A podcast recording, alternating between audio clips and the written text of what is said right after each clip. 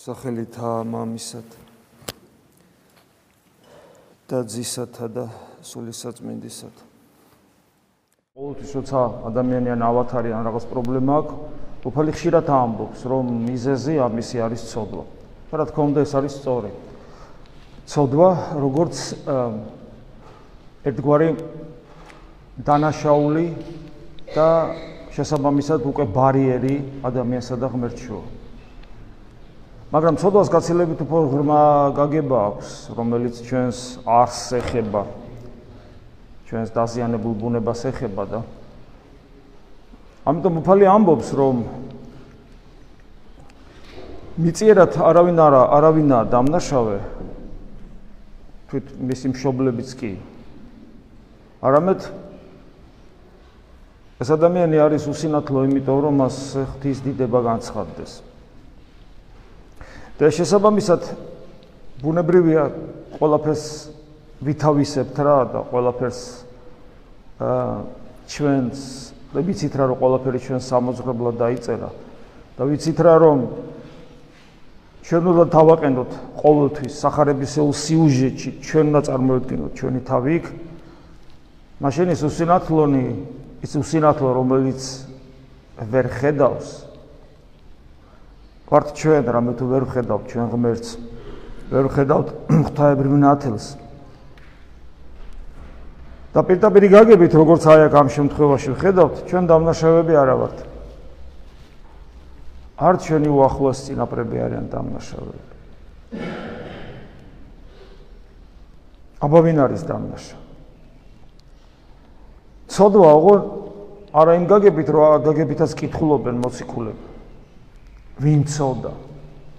ანუ ადამიანი იბადება რა, ისია ცოდვილი რომ მას არ უცოდავს. ეს ძალიან მნიშვნელოვანია რომ გვახსოვდეს.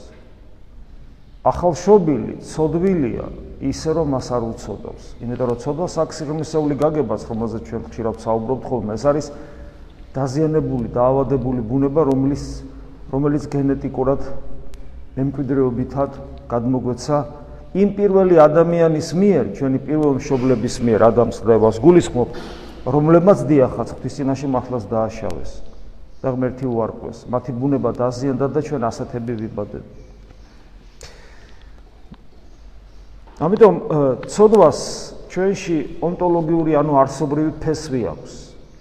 ამიტომ ნებისმიერი აზრი, მოსაზრება, ნებისმიერი ფილოსოფიური თუ რელიგიური სისტემა ჰუმანიზმი თანამედროვე ცივილიზაცია, რომელიც ფიქრობს, რომ ნელ-ნელა ადამიანი გაუმჯობესდება და განიკურნება იმ უბედურებებისაგან, რომელ უბედურებასაც მე ადამიანი ამ სამყაროში ქმნის, ამ ყველაფერს, ამ სამხედველობებს, ამ რელიგიებს ამგვარად დანახულ რეალობას განხორციელება არ უწერია, უტოპიურია ეს ყველაფერი. იმიტომ რომ ადამიანს ვერაფრით ვერ შეცვლი, ადამიანს ვერაფრით გამოასწორებ. ადამიანი როგორ კულტურულათაც, კულტურულ გარემოში, ცივილურ გარემოში, ზნეობრივ გარემოში არ უნდა აღზარდო, აი ფესს ცოდვისა იმ ონტოლოგიურ არსობრივ ფესს ვერაფერს ვერ მოუხერხებ. ყოველი ადამიანი ცოდვილად იბადება და ეს ცოდვა ამ შემთხვევაში არა დანაშაულის გაგებით, როცა ჩვენ რაღაცას ჩვენი პიროვნული არჩევანით ვაშავებთ. არა, ეს ჩვენი ბუნების განუყოფელი ნაწილია.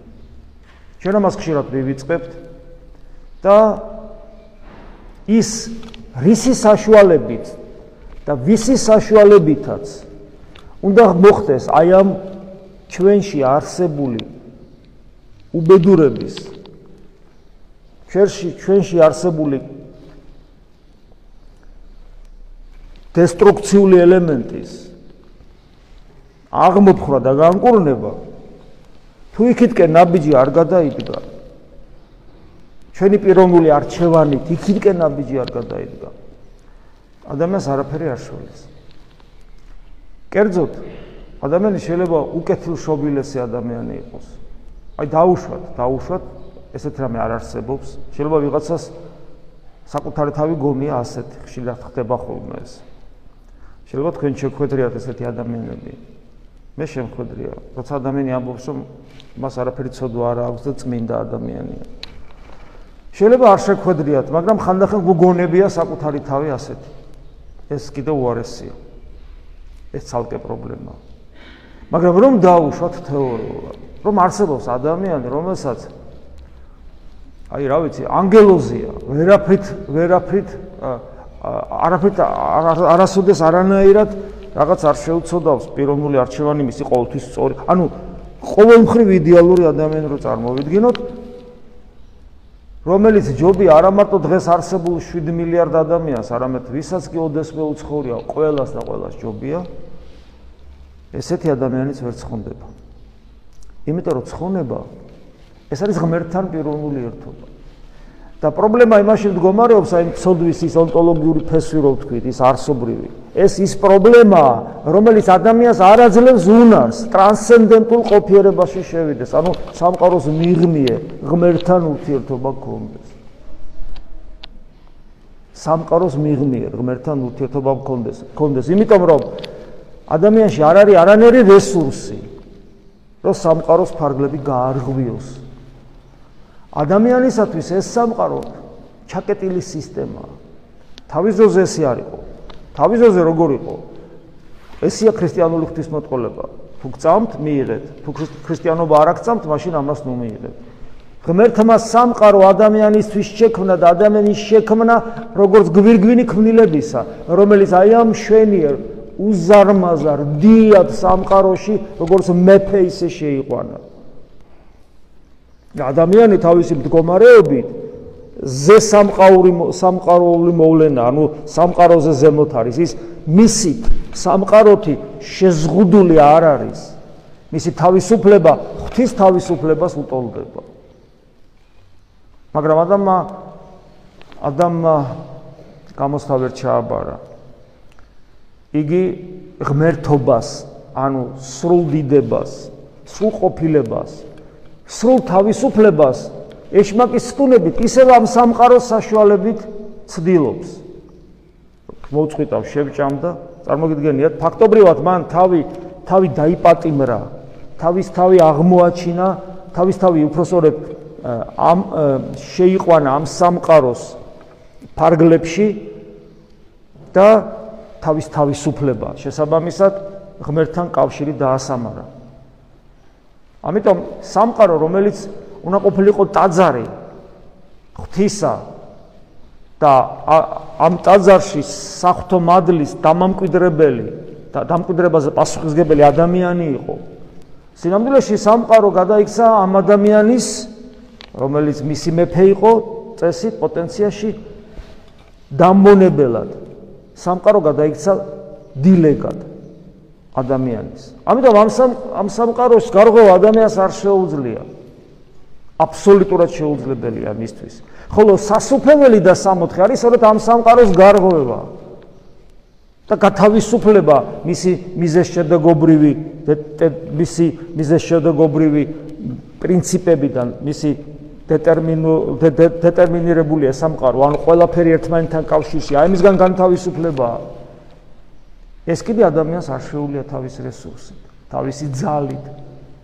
ამიტომ ამბობს უფალი, რომ ადამიანისათვის სასופელში მყოფობა შეუძლებელია. და ამას კონკრეტულად მისამ ვისი მისამართით ამბობს? ადამიანის ადამი, რომელიც ბავშვობიდან რელიგიურად იზრდება, სულიერი და ზნეობრივი კანონებით ცხოვრობს. აქ ღვთის წყალობა ღმერთს უყვარს ეს ადამიანი და მაინც ამბობს ამ ადამიანის მაგალითი ამბობს რომ აი ხო ეგეთია? ხო ხო ხო ხო მე როგორც ღმერთს და საერთოდ ღმერთს უყვარს ეს ადამიანი. შეწერია კიდევაც იესოს შეუყვარდაო. მაგრამ მას არ შეუძლია აქედან განთავისუფლება ამ სამყაროს ჩარჩოებიდან განთავისუფლება. აი ეს არის ის სიბრმავე რომელზეც საუბრობს დღევანდელი სახარება თუ მას სიმბოლურად შევხედავ. ასე დგომარობას ჩვენ ყველანი ვართ. და ნუ მოვიტყვილებთ საკუთარ თავს და ნუ გვეგონება რომ ჩვენ რაღაცა სიკეთეს ვაკეთებთ, მათ შორის რელიგიურს, სარწმუნოებრივს, ნუ ვიფიქრებთ რომ ეს რაღაცა გარანტია, რაღაც არაფრის ეს გარანტია არ არის. აბა როგორ შევხედოთ ჩვენს მიერ აღსრულებულ კეთილ საქმეებს, ჩვენ სულიერ და რელიგიურ ცხოვრებას. როგორ შევხედოთ? ამაზე უფალს პასუხი აქვს ჩვენ ჩვენი პრობლემა ეცეთ რასია ჩვენ არ ვიცით წმინდა წერილი. გამოცხადება არ ვიცით ღვთის აღმერთი ადამიანად მოვიდა და თქვა. იცხოვრა და თქვა და ამაში გვაქვს პრობლემა ხოლმე და აქედან გამომდინარეა ეს კითხვები. როერთმა გასაგებად გვითხრა რომ როცა რაიმე სიკეთეს აკეთებ. ჩემგან მადლობაც კი არ გეკუთვნის. მაი ხო დგავართ ახლა აქ ჩვენ ჩვენ მადლობა ღმერთისგან არ გეკუთვნის ხო წახვალ და ვიღაცას დაეხმარები სიკეთეს გაუკეთებო ანგარობ უფალი გერო მადლობა არ გეკუთვნის და რატომ არ მეკუთვნის მადლობა? ვკითხავთ ჩვენ მას. და ის გვეუბნება იმიტომ რომ შენ შენ მოვალეობას აღასრულებ აი ეს არის და ეს. ახლა წარმოიდგინოთ ამ ბრმას დაბადებიდან ბრმას უფალი როგორ კურნავს? იქ არც უთხოვია ხო? გაიარა დაბადებიდან ბრმა არის ეს იმიტომ არის რომ ბრმა რომ ღვთისდიდება განცხადეს მასზე და შენზეც და ჩემზეც განცხადდება ღვთისდიდება. ჩვენ თუ თვალს ჩვენ თუ თვალი აგვეხილება ეს ადამიანი ესე იგი უფლის მიერ სასწაულებრივად იკურნება თავიდან ქმნის ადამიანს და თიხას ატოზილავს ნერწყვით საკუთარი ნერწყვით არა წყლით. ანუ ღმერთი ადამიანად მოსული ღმერთი საკუთარი ნერწყვით ზილავს თიხას. რატო? იმიტომ რომ ამით იმ იუდეველებს ეუნება, ამ კაცსაც ეუნება, ჩვენს გვეუნება. მე ის ვარ ოღონ ადამიანად მოსული. ის ვარ, ვინც თავიზოზე შენ ადამიანო თიხისაგან შეგქმენი. შენ არ გაამართლე. შენ შენი თავისუფლება არასწორად გამოიყენე. მე ახლა თავიდან გქმნი ისევ თიხისგან. ეს სიმბოლური სახეა. და ეგრეც არის მეორედ, ვინც მეორედ არის შვება. უფალი ამბობს. მეორე ჩობა თავიდან ქმნა არის, ზუსტად იგივე პავლე მოციქული ამბობს, იგივე უფალი ამბობს თავის გამოცხადებაში იოანესთან, რომ ახალ ადამიანს, ახალ სამყაროს ქმნის, თავიდან ქმნის, ახალი ქმნილი ადამიანი ახალი ქმნილება. და აი უფალი გქმნის ესე ჩვენ. თითოეულ ადამიანს ქმნის ეს. იმიტომ ქმნის, რომ მას თუ არ შექმენი თავიდან იმგვარად არის დაზიანებული, რომ მდგომარეობიდან გამოსვლა არ შეუულია და აი როცა განკურნა ეს ადამიანი. და როცა ეს ადამიანი ხედავდა, ეს ადამიანი ჯერ თიხა აიტანა თვალებზე, თვალებზე თიხა მაინდა-მაინც ასიამონო შეიძლება არ ყოფილიყო. მე მე წავიდა ხელის ცეცებით სილოამის იქ რაც იყო წყარო. სილოამი მოვლინებულს ნიშნავს, ანუ ამით ამ ადამიანს ხორცმენა ჯერ არ აქვს და ბოლომდე და ესე იგი ამით მიანიშნა სილოამე მოვლინებული. ანუ ის რომ წაისვავდა ამ წყალს და ჩამოიბადა ამ ტალახს და დაინახავდა ქრისტეზე გაახსენდებოდა რომ მოვლინებული ვინ მოვლინებული ვისაც ველოდებით ცხებულს ანუ ქრისტეს რომ წმენაში დახმარებოდა. და მე მე მოდის უკან? და ხა წარმოგიდგენიათ რომ უცებ უფალი ეუნება მადლობა შენ ყოფილო უსინათლო დიდი მადლობა როგორი კეთილი საქმე გააკეთე როგორ დამინახე როგორ დაინა როგორ წახვედი როგორ იშრომე როგორ დაიბანე თვალები თიხამანამდე როგორ აიტანე ეხლა როგორ მხედავ ეხლა როგორ მაღიარებ. დიდი მადლობა შენ ხო აბსურდი. აბსურდია აი ეს აბსურდია ოდესაც ჩვენ ვითხოვთ ღმერთისგან მადლიერებას. აქეთ რომ აბა არ მეკუთვნის სიკეთეები მისგან როგორ არ მეკუთვნის? ამდენამეს ვაკეთებ? ხომ მეკუთვნის. ამას ნიშნავს ეს. მთელი ჩვენი ცხოვრება გაცნობიერებული საიდანაც გვაქვს იქიდან აღსასრულამდე უნდა იყოს ჩვენი ცხონების გადარჩენის საქმის ქმნა ღმერთთან ერთად. რომ საბოლოო ჯამში თვალები აგვეხილოს და დავინახოთ ღმერთი, რომელიც არის სასუფეველი. ღმერთი უდრის სასუფეველს. იესო ქრისტე უდრის სამოთხეს. ეს ეს ეს დავინახოთ. ყველაფერი მათ შორის სულიერი ცხოვრებაც, ანუ რელიგიური ცხოვრებაც და ზნეობრივი ცხოვრებაც. ჩვენი ვალდებულებები, ჩვენი სიკეთეები ადამიანური ის ცნებებს ახსრულება, რომელიც ვალდებულების წინაშე დგავარ, თუნდაც მამაო ჩვენოთ, იმიტომ რომ ჩვენ όσο ამბობ, როგორც ხშირად გეუბნებით, ვალდებულებამა ყველა ადამიანის სიყვარულისა, ეს და ეს ეს ჩვენ ხო არ შეგვიძლია და ჩვენ ხო მთელი ცხოვრება ვწვალობთ, წვალობთ, ვიტანჯებით. იმისათვის, იმისათვის, რომ ეს შევძლო. ბოლო-ბოლო მტრის სიყვარულიც უნდა შევძლოთ. ეს ძნელია, ეს ადვილი არ არის. ოჯახის წევრის სიყვარული არ არის ადვილი. არაფერი არ არის ადვილი. ეს არის ტანჯვა ადამიანისათვის, მოწამეობრივი ღვაწლი ადამიანისათვის. ეს თიხის ატანაა, მე თიხის ბრმაც სიარულია, მე თიხის ჩამობანვა და ეს ყველაფერი. და არა მარტო ეს, მე გახსოვთ რა ხდება. როდესაც როგორც კი თვალს აიხილს და ესე იგი იესო არის ის ვინცო, ესე იგი რა დღეში აგდებენ, რა დღეში აგდებენ რელიგიური და ზნეობრივი ადამიანები, ოღონ ამას სუფლი ამას სუფლის სულით გამშჭალული ადამიანები, რელიგიური, ზნეობრივი, მაგრამ უნარომი სამყაროს ფარგლები გაარღვიო. და ამ სამყაროს თავის კანონები აქვს, თავის წესები აქვს. ამ სამყაროს ფიზიკური წესები და კანონები აქვს, ბიოლოგიური წესები და კანონები აქვს, საზოგადოებრივი წესები და კანონები აქვს. ზნეობრივი წესები და კანონები აქვს, რელიგიური წესები და კანონები აქვს. ვერაფერსაც ვერ გაარღვევდა, ვერ დაარღვევდა. სწორედ, სწორედ სახელმწიფოებრივი, ეროვნული, ზნეობრივ რელიგიური კანონებით მიუთითებენ მას, რომ შენ რას ლაპარაკობ? შაბათი დაირღვა. შაბათი დაირღვა და მართლები არიან ისინი, იმიტომ რომ ისინი აი ამ სამყაროში ცხოვრობენ, მათ სხვა სხვა ყოფიერება არიციან თუ არსებობს. ღმერთი მათთვის ისევ აქ ყოფია. და აი აქ ამ უსინათლოს პრინციპულობა გამოვლინდა. იგი არ უთმობს მათ. არ უთმობს. შობლებმა გარიყეს უფროსისას დასული ადამიანიო თვითონ კითხეთ როგორ აღიხილა თვალებიო. ეშინოდათო სინაგოგოდან არ გაანხადა სინაგოგოს სინაგოგა საკრებულოს ნიშნავს ამ შემთხვევაში.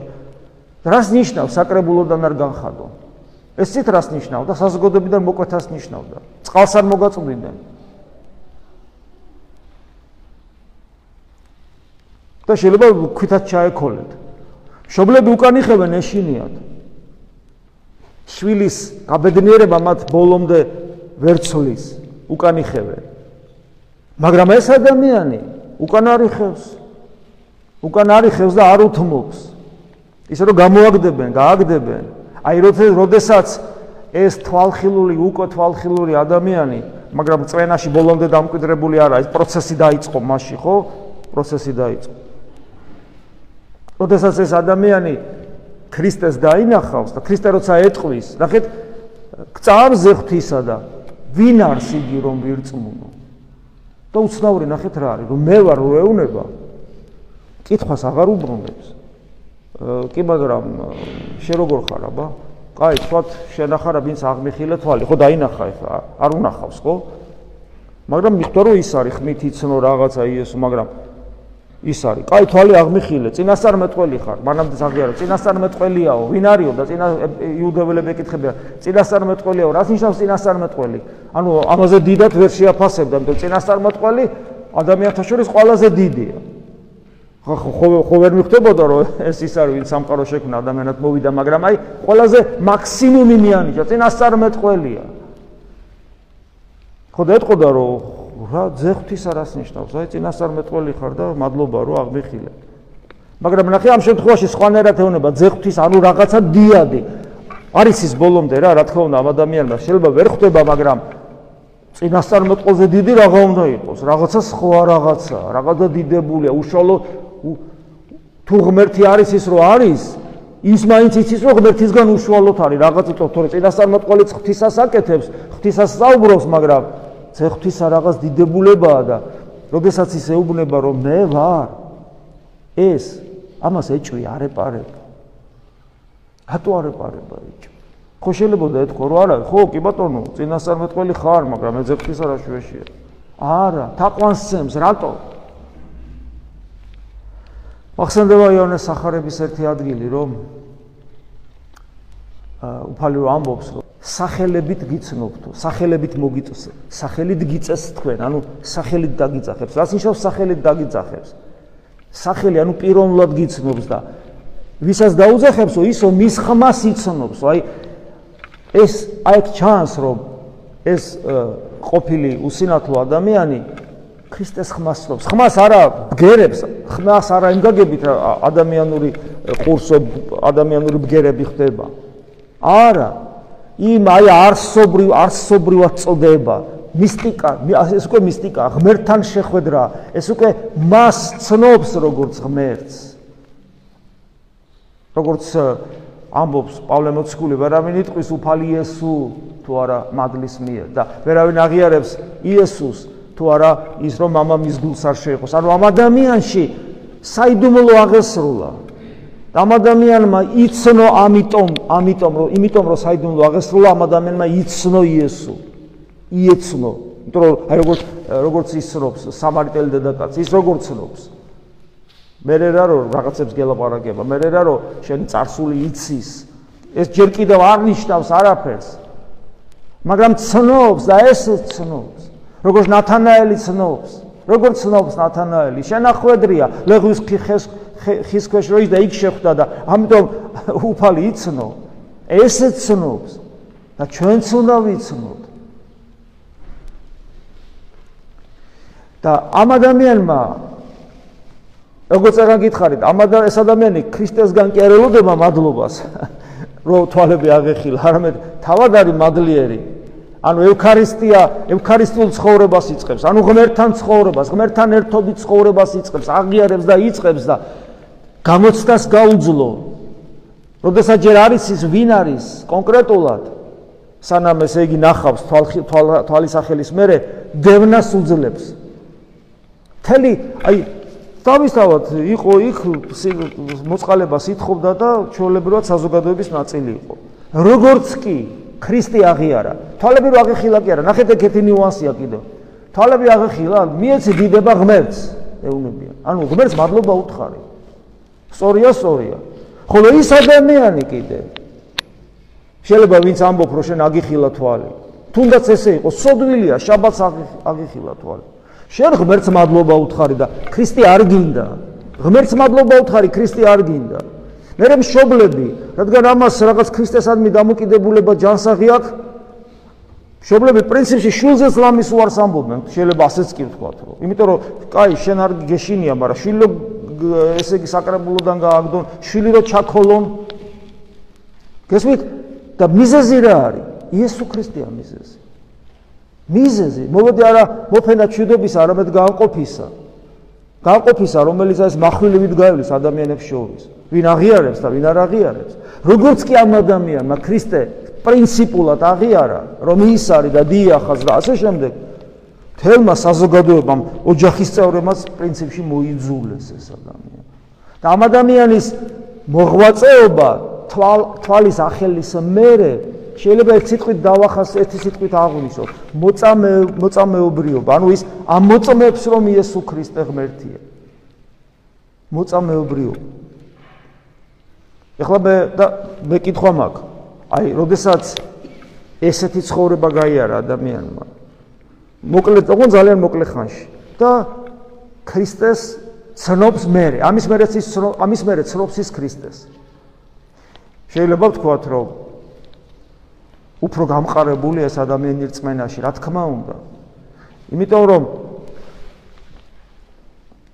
ადამიანი, რომელიც ქრისტეს დაინახავს, აი ჩვენ ამაზე ხშირად საუბრობთ, რომ ჩვენ გვწამს ღმერთის და ჩვენ ვიცით, რომ ღმერთი არის.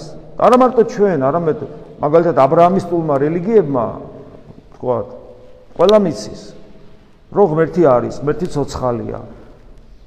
ჩვენ ყველანი იუდეველებიც, მუსულმანებიც, ქრისტიანებიც აბრაამს საკუთარ მამად ვთვლით, იმიტომ რომ მასთან დებს აღთქმას ღმერთი და ამით დაედო საფუძველი იმ განსაცვიფრებელ ურთიერთობას ღმერთისა და ადამიანის შორის, რომელიც აღთქმით გარი გამტკიცებული, ანუ ღმერთის ღმერთის ცდილობს რომ ერთგულება გვიჩვენოს, ხო, აი ესეა, მაგრამ ნუ ადამიანურად, მაგრამ ესეა. ქრისტიანები მდგომარეობა იმით განსხვავდება დანარჩენებისაგან რომ ღმერთი რომელიც ჩვენ ყოველას გჯერა რომ არის და გწამს ჩვენი ის ღმერთის რომელიც ჩვენ ყოველას გჯერა და გწამს ღმერთი ადამიანურად რომ დაგველაპარაკა. ჩვენ ვიცამით რომ ის არის. ოღონდ ჩვენ დამსახურება არ არის. აი როგორც ამ შემთხვევაში ამ უსილათლო შემთხვევაში ქრისტე მიდის მასთან და მასთან თანამშრომლობს. თანამშრომლობს, ეუნება, ეხლა ეს გავაკეთოთ, ეხლა ეს გავაკეთოთ, ეხლა წადი ეს გააკეთე, ეს ის ის ემორჩილება, ემორჩილება მიდის, მე დაიმას რაღაც, მე მე იწყებს უკვე ხედვას, მაგრამ ჯერ ღმერთს ვერ ხედავს, მაგრამ ხედვას იწყებს უკვე, მაგრამ ჯერ ღმერთს ვერ ხედავს, ხედვას იწყებს, მაგრამ იმ ღმერთს, რომელსაც ჯერ ვერ ხედავს, ერთგულებს. მოწამეობრივი ღვაწლით, ღვაწს ავლენს მაგლიერების გამო და მე მე და ბოლოს მე ამის ამის ამის შედეგად ის ღმერთს ხედავს, იმიტომ როგორც კი ესმის, რომ მე ვარო ის თანყვასცემს. აი ეს გზა არის თითოეული ჩვენგანის გასავლელი. და ადამიანი, რომელიც თვალხილული ხდება და ღვთისძიების გზაზე დგება, მე ვარ გზა, ამბობს ქრისტე და ჩვენ შეუდექით ამ გზას, ამ გზის ბოლოს იესო ქრისტეს ხილვა. ჩვენი სასופველი იესო ქრისტეა. და იესო ქრისტეს ხილვა ათასნაირად შეიძლება და ეს ნელ-ნელა იწყება ეს პროცესი გულისმიერად. და საბოლოო ჯამში, როცა ჩვენ გავმყარდებით წმენაში, იესო ქრისტეს ღმერთობის წმენაში, რომელიც ერთადერთია, ვინც ყოვლადწმინდა სამების წიაღში შეგვიყვარს, ჩვენ აქ ღმერთისთვის მოვედით, ღმერთისთვის, მაგრამ ღმერთთან ჩვენი კავშირი ხო გითხარით თავიდან, რომ აბსოლუტურად შეუძლებელია. ადამიანი ჩაკეტილია ამ სამყაროში, თავისუფლება წართმეულია, ღირსება აყრილია, პირუტყს და დემონს მიმსგავსებულია. ჩვენ ღმერთი მგვიშველის მხოლოდ და ღმერთისკენ გზად დახურულია ეს ცეცხლოვანი מחვილით ესე იგი ბრუნავი מחვილით ყოფი ქერუბიმი აი როგორც სიმბოლურად არის და რეალურადაც ხო რა ვიცი ხა არ მინახავს ქერუბიმი მაგრამ ან ჩვენსა და ღმერთს შორის ეს გაუვალი ზღუდია მისტიკურათაც და რეალურათაც იმიტომ რომ ამ სამყაროს ნაწილი ვარ ღმერთი რომ მოვიდა ძე ღმერთი მხოლოდ მისი საშუალებით შეიძლება გავარღვიოთ. ჩვენ არ შეგვიძლია მისი საშუალებით, მისი საშუალებით შეგვიძლია გავარღვიოთ ეს სამყარო. ამისათვის ის მოდის ჩვენთან და ცდილობს რომ თვალი აგვიხილოს, როგორ ჩვენ უნდა დავემორჩილოთ, უნდა ეს თიხა წავისვათ, არ გაუძალიანდეთ, უნდა მე დავემორჩილოთ, წავიდეთ, დავიბანოთ სილოამის წყალსაცავში თვალე. ანუ მასთან თანამშრომლობა უნდა დავიწყოთ. დავემორჩილოთ. და მე თვალები გვეხილება. თვალები რო გვეხილება, იწყება ჩვენი გადარჩენის პროცესი. საბოლოო ჯამში რომელიც დაგვირგვინდება იმით, რომ ქრისტეს როგორც ღმერთს თელი სისავსით ის იმ საზომით, უბრალოდ რა საზომით მე შემიძლია დავითიო, დავინახავ და მე ადამიანი აღბთოვანდება. რომ ღმერთი რომელიც მე ჩემი ცხოვრების საზრისია, ღმერთი მელაპარაკება ადამიანურად სახარებას შვიდა მკითხულობ და მესმის როგორც ღმერთის ხმა და ჩემი ამ სამყაროდან გასვლის შესაძლებლობა ჩდება ამ ჩაკეტილობიდან ამ შეზღუდულობიდან ამ მონური მდგომარეობიდან შესაძლებლობა ჩდება. იმიტომ რომ თვითონ მოვიდა ძე ღმერთი და თავისი ადამიანური ბუნების თანაზე არის გამხადა და ბუნებრივი ადამიანი აღფრთოვანდება რომ დაინახავს აი ესე ამგვარად ქრისტეს როგორც გადამჩენელს როგორც როგორც მამასთან მიმყვანებელს ყოვლადწმინდა სამების წიაღში დამამკვიდრებელს აღფრთოვანდები. იმიტომ რომ რეალურად დაინახე შენი გადარჩენის შესაძლებლობა. და მე ზურგს როგორ შეაქცე მე მე როგორ უარყოფ ღმერთს რანაირად იმიტომ რომ შენ ძმას გიწოდებს ზეღმერთი და მამიშვილი ხდები და როგორც იონე მოციქულის და პავლე მოციქული ამბობს, თუ უკვე შვილი ხარ, შენ აღარ სწორდა. ჩვენი საშიშროება რატომ არის ჯერ კიდევ? რატომ ვარ საშიშროების წინაშე ჯერ კიდევ ჩვენ დღევანდელი ხალხი ქრისტიანები აი ამ წუთში?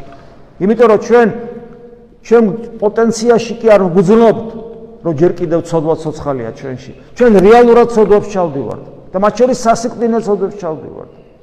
და ეს ნიშნავს რომ ჯერ ჩვენ შვილები არა ვართ, ჯერ ჩვენ ქრისტეს ძმები და დები არა ვართ, ჯერ ჩვენ არ დაგვინახავს ისე როგორც ამ უსინათლომ დაინახა.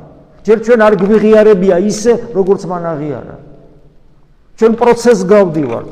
ჩვენ მოწამეობრივი ღვაწლი არ დაგვისრულებია. ჩვენ ამ სამყაროს წინაშე ბოლომდე თავგანწირვათ არ დაგვიმოწმებია. რომ იესო ქრისტე არის ის, ვინც მე თვალები ამიხილა და დავინახე ამ სამყაროს იქით, რომ არსებობს ცოცხალი ყოფიერება, ცოცხალი ღმერთი, რომელსაც მე ვუყვარ ვარ და მელოდება. ქრისტეს დამსახურება რომ არის ეს?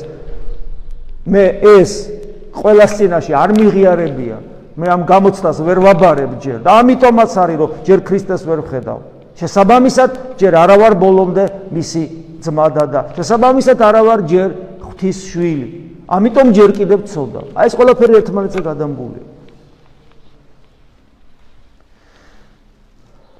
მოვინდომოთ, ვუსურვოთ საკუთარ თავს, რომ ყოფილიყავით ნამდვილი ქრისტიანები.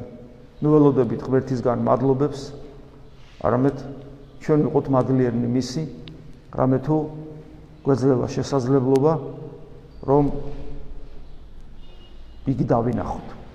რომ იგი მოვიდეს ჩვენთან და უკვე ნაწილობრივ თვალხილულნი ვართ ჩვენ, ნაწილობრივ, იმიტომ რომ ვიცით, რომ არსებობს სამყაროს მიღმიერი ღმერთი, რომელიც ჩვენი мама და ჩვენ გვჭირდება მცირეოდენი მცირეოდენი ღვაწლი